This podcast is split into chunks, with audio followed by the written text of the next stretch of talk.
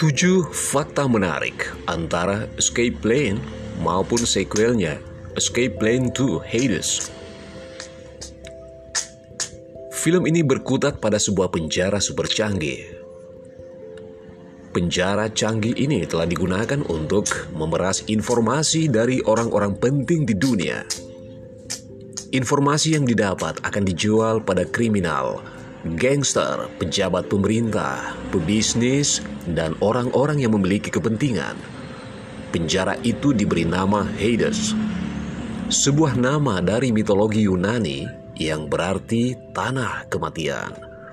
Film Escape Plan pertama kali tayang di layar lebar pada tahun 2013 silam.